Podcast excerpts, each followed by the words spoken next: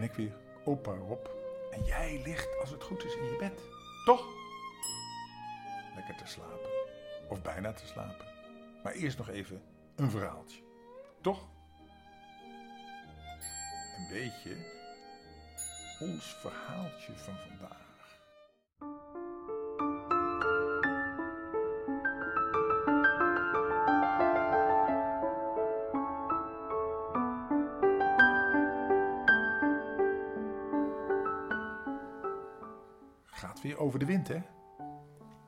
En als die niet waait, is die wind stil. En hij is net getrouwd. We hebben al gehoord gisteren over zijn bruiloft. Maar eerst hebben we weer een grappig grapje.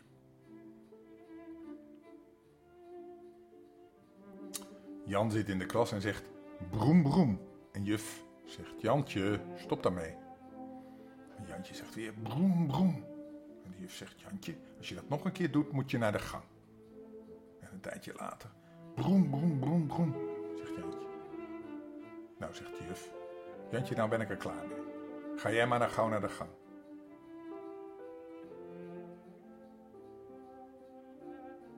Dan zegt Jantje, sorry juf, mijn benzine is op, ik kan niet naar de gang. ik heb nog een klein raadseltje voor je. Weet je wat het verschil is tussen een koning en een boer? Een koning kan wel een boer laten, maar een boer kan geen koning laten.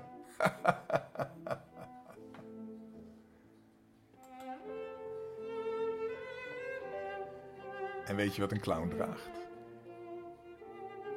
Een lolbroek en een grapjas. Nou, dat zijn toch mooie grappen. En nu gaan we aan het verhaaltje. Oké? We zijn bezig met een heel lang verhaaltje over de wind en windstil. En windstil is de wind als die niet waait. En dan heeft hij zich verborgen en rust hij uit in een oude, heel erg afgelegen burcht. En daar is hij een meisje tegengekomen. En dat meisje, die is, heeft altijd bij de zigeuners geleefd, maar die heeft geen naam. Soms noemen de zigeuners haar wel zigeunerprinses. Maar ze is heel mooi. En Windstil vindt haar zo mooi dat hij met haar wil trouwen. En dus zijn ze in dat verlaten kasteel getrouwd. En de wind vertelt over wat hij allemaal doet op de wereld. En hij heeft hele mooi, een heel mooi zijde huwelijkskleed voor haar laten maken in China. En hij heeft parels van de bodem van de oceaan gehaald. Prachtig. En ze zijn samen en ze genieten en ze hebben feest en ze drinken wijn. En de zomer vloog voorbij en voor de winter kwam nu de drukste tijd voor de wind. Want dat is de herfst. Dan is er heel veel wind. En dan moet hij dus uit zijn burcht. Dan raast hij dag en nacht door, rukt bladeren af en knakt de bloemen. Hij ontwortelt bomen en zweept de zeeën op tot kokende watermassa's. De klimrozen zijn uitgebloeid en zowel binnen als buiten op de muren van de burg liggen heel veel verdorde en verkreukelde blaadjes. Het wordt hoe langer hoe kouder. Sneeuw en regen woeien door de open vensters en door de gaten en de spleten naar binnen. Mist en laaghangende nevels omhullen het slot. Het gaat grijs in een winterslaap verzonken. Het meisje, dat meestal alleen is, zat in de stoel bij een schouw, waarin een groot houtvuur was aangelegd, zodat ze het niet koud kreeg. En zo bracht ze haar dagen door met in de oude boeken te lezen. Die ook daarvoor de enige gezelschap, het enige gezelschap van windstil waren geweest, die oude boeken. Juist toen zij begon te twijfelen of er wel ooit een eind aan die winter en aan die eenzaamheid zou komen, werd het lente. En brak er weer een goede tijd voor haar aan. En voor Windstil natuurlijk.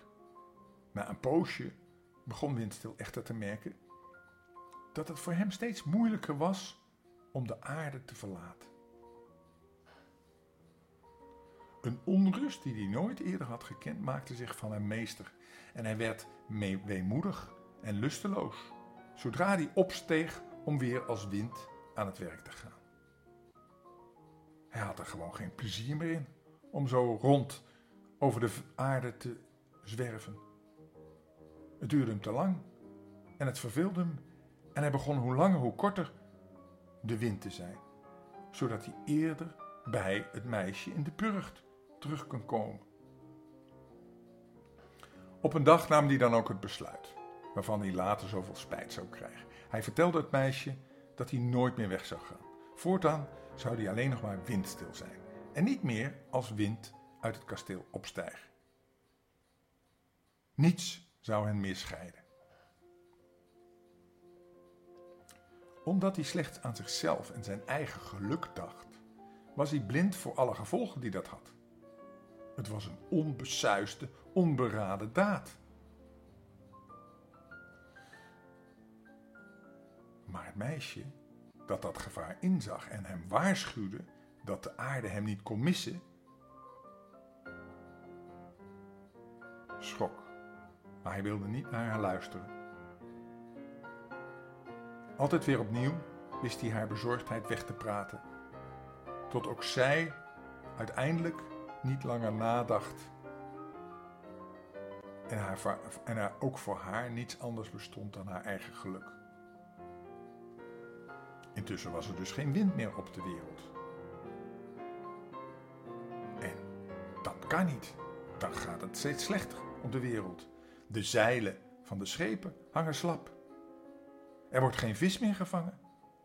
De hanen van de kerktorens, die altijd de beste vriend van de wind waren geweest, bleven als vastgenageld naar het zuiden wijzen.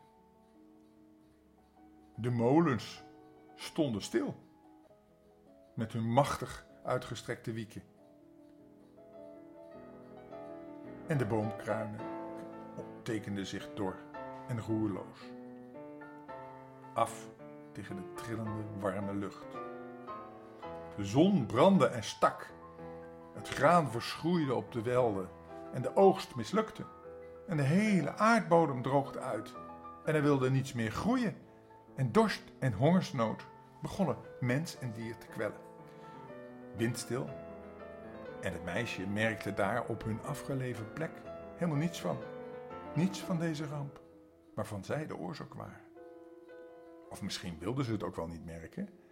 Pas toen de rozen nog half in knop verschrompelden, omdat ze uitdroogden, en er een beklemmende stilte in de natuur begon te heersen, alsof alles zijn adem inhield en op iets wachtte, zagen ze uiteindelijk in wat er gebeurde. De wereld gaat ten onder zonder de wind. En Windstil begreep dat hij niet langer werkloos mocht blijven toezien.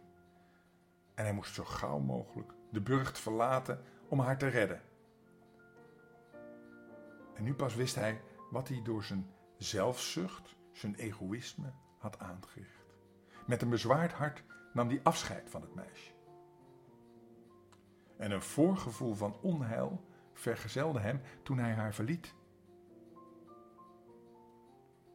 En hij keek niet meer om zich heen toen hij achter de vestingwallen verdween. Eenmaal opgestegen zag hij in de verte reusachtige wolkenkoppen naderen. Er was zwaar weer op til. Plotseling lag de aarde nachtzwart en in met een ontzettende dreiging onder hem. En voor hij het goed en wel wist wat er gebeurde, spleten de wolken uiteen en sloeg er een witte vlam uit. Dat was eigenlijk natuurlijk onweer. En met een knetterende slag kwam hij op de wereld terecht, die hij uit haar verdoving opschrikte.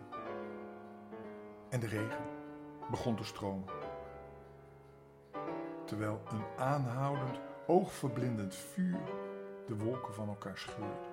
De wind, die helemaal overrompeld was en even geaarzeld had, stak met volle kracht op. Hij striemde van rechts naar links en probeerde het vreselijke noodweer tegen te houden. Trek je terug, bulderde hij tegen de regen en tegen de bliksemschichten. Ik denk er niet aan, gromde de donder. Jij verbeeldt je wat. Je moet mij gehoorzamen. Ik ben de wind, was het antwoord.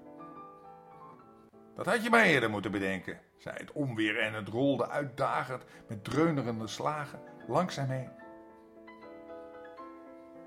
Nou, nou, die twee hebben het aardig met elkaar aan de stok, mompelde de weerhaan, die zijn dagelijks praatje met de wind erg gemist had. Hij had het trouwens wel verwacht hoor, zoiets. Dat kon niet uitblijven. Wat deed de wind ook zo dwaas? Om niet te waaien. Eerst trouwt hij met een mens. Wat je als windstil natuurlijk niet kan doen. En daarna vertikt hij, hij om zich als wind van zijn plicht te kwijten. En liet hij alle weerhalen net zo lang naar het zuiden staren. Tot ze sterretjes voor hun ogen zagen. Terwijl hij hen als de wind had moeten laten tollen in het rond. Het meisje dat in de torenkamer zat, staarde angstig naar buiten. Zij hield haar handen tegen haar oren, om niet de slagen van de donder te hoeven horen. Hoe meer het noodweer naderde, hoe dichter zij zich tegen de muur drukte. Bleek en roerloos aanschouwde zij het gevecht tussen de wind en het onweer. Slag op slag De bliksem was niet meer uit de hemel. En het leek wel of die blauw flitsende stralen van alle kanten tegelijk op haar afkwamen. In machteloze woede tornde wind tegen zijn belager op. Ik waarschuw je voor de laatste keer, schreeuwde hij, terwijl hij vocht met de donder. Waarom zou ik naar jou luisteren? spotte de donder. Jij, die de hele zomer je plicht hebt verzaakt, om niets en niemand je hebt bekommerd? En hier kon de wind niets tegen inbrengen. Hij streed verbitterd en roekeloos, maar moest steeds verder terugwijken. Dit, weer, dit keer win je het niet van mij, ratelde de donder. Je zult straf krijgen. Je zult er spijt van krijgen, loeide de wind. Niet jou zal ik iets doen, ging de donder voort, zonder zich aan zijn dreigementen te storen. Jij bent nu eenmaal onkwetsbaar, maar zij, jouw vrouw die in die dorenkamer van het burcht op je wacht, is maar een mens.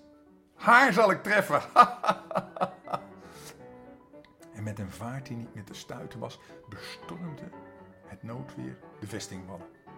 Vloog door het park en viel het oude slot van Windstil aan. Zijn vonkende zwaard de donder slingerde door de lucht, terwijl het de trillende muren in bezet nam. Een ogenblik richtte het zich in volle lengte op om een laatste stoot toe te brengen. Wind probeerde te helpen, wierp zich tegen de onweer en de toren. Maar de bliksem schoot regelrecht om, omlaag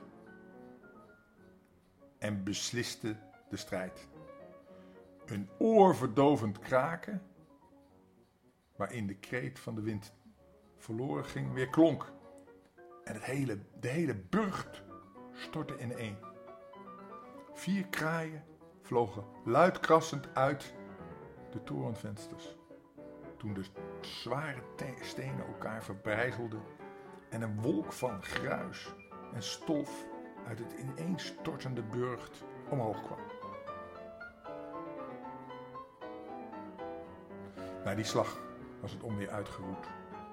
Het wierp zijn bliksemspeer van zich af en verwijderde zich, grommend van voldoening in de verte.